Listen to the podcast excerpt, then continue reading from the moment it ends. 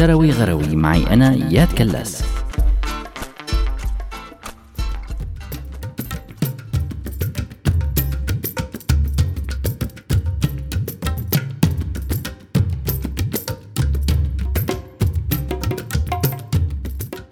أهلا وسهلا فيكم بهي الفقرة الجديدة من شروي غروي، معي أنا عمر عوضا عن إياد استثنائيا بهي الحلقة، يلي عنوانها حوارات مع العلم والدين.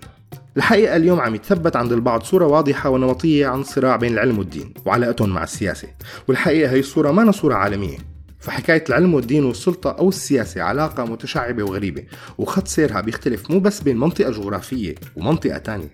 لا بل أكثر من هيك. أحيانا داخل القارة الواحدة وهذا الشيء بده دراسات كتير معمقة. نحن رح نتناول جانب بسيط كتير منه. في كتير من الناس بتفكر إنه هذا النقاش جديد بس الحقيقة هذا الشيء ما صح وما جديد ابدا. فكان موضوع للدراسة بين الفلاسفة واللاهوتيين من زمان. ومثل ما أسلفت اختلفت وجهات النظر وفقا للمناطق الجغرافية والثقافات والحقبة التاريخية. في ناس بيوصفوا العلاقة بين العلم والدين كأنه صراع وفي ناس بيلاقوا إنه بكثير من المراحل التاريخية كان في انسجام ما بين العلم والدين والسياسة.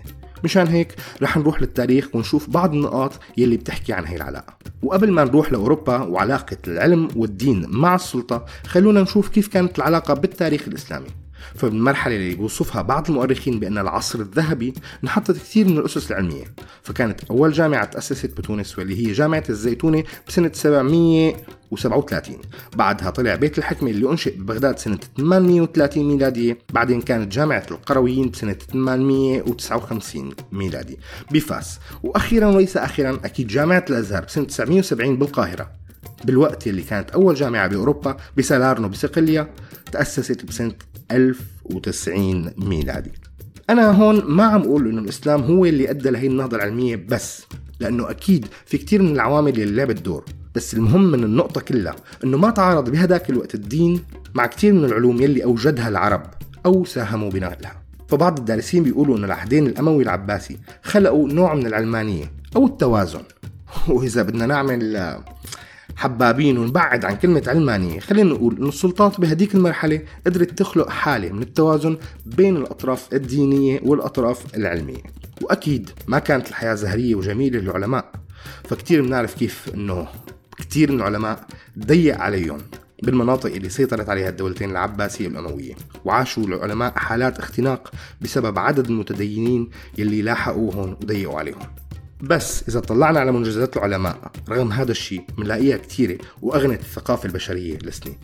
بنروح على أوروبا بيحضرنا اسم روجر بيكون يلي بيرجع له الفضل بالمنهج العلمي ويلي كان راهب من الرهبان الفرنسيسكان من جهة تانية بيحضرنا اسم الراهب النمساوي غريغوري مندل يلي كان مؤسس علم الوراثة الكلاسيكي والأمثلة كثيرة. كيف لا؟ لما كانت الكنيسة هي الممول لكثير من الأبحاث. وما ننسى أنه معظم المدارس بالتاريخ كانت تابعة أصلا لمؤسسات دينية أو ناتجة عنها بنروح الأديان بالشرق الأقصى والأدنى في الهندوسية احتضنت عبر التاريخ نظام السببية والتجريب واعتبرت أنه العلم لازم يجيب المعرفة المشرعة.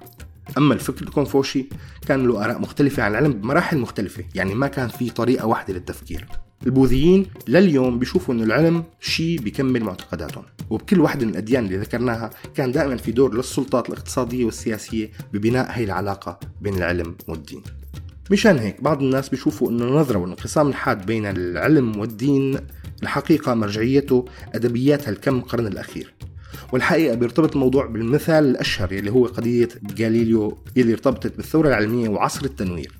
واللي جابت علماء مثل جون ويليام دريبر اللي حط نظرية إنه الدين والعلوم بصراع عبر التاريخ. هي الأطروحة اللي تبناها كثير من علماء اليوم مثل ريتشارد دوكنز وكارل ساغان. الحقيقة تناسى كثير من هدول العلماء إنه الجامعة اللي درس فيها غاليليو غاليلي هي جامعة بيزا يلي تأسست رسميا ب 3 سبتمبر 1343 بمرسوم من البابا كليمونت السادس. ما رح طول بالحديث وما الهدف من الحديث إنه يكون بصف العلم أو بصف الدين.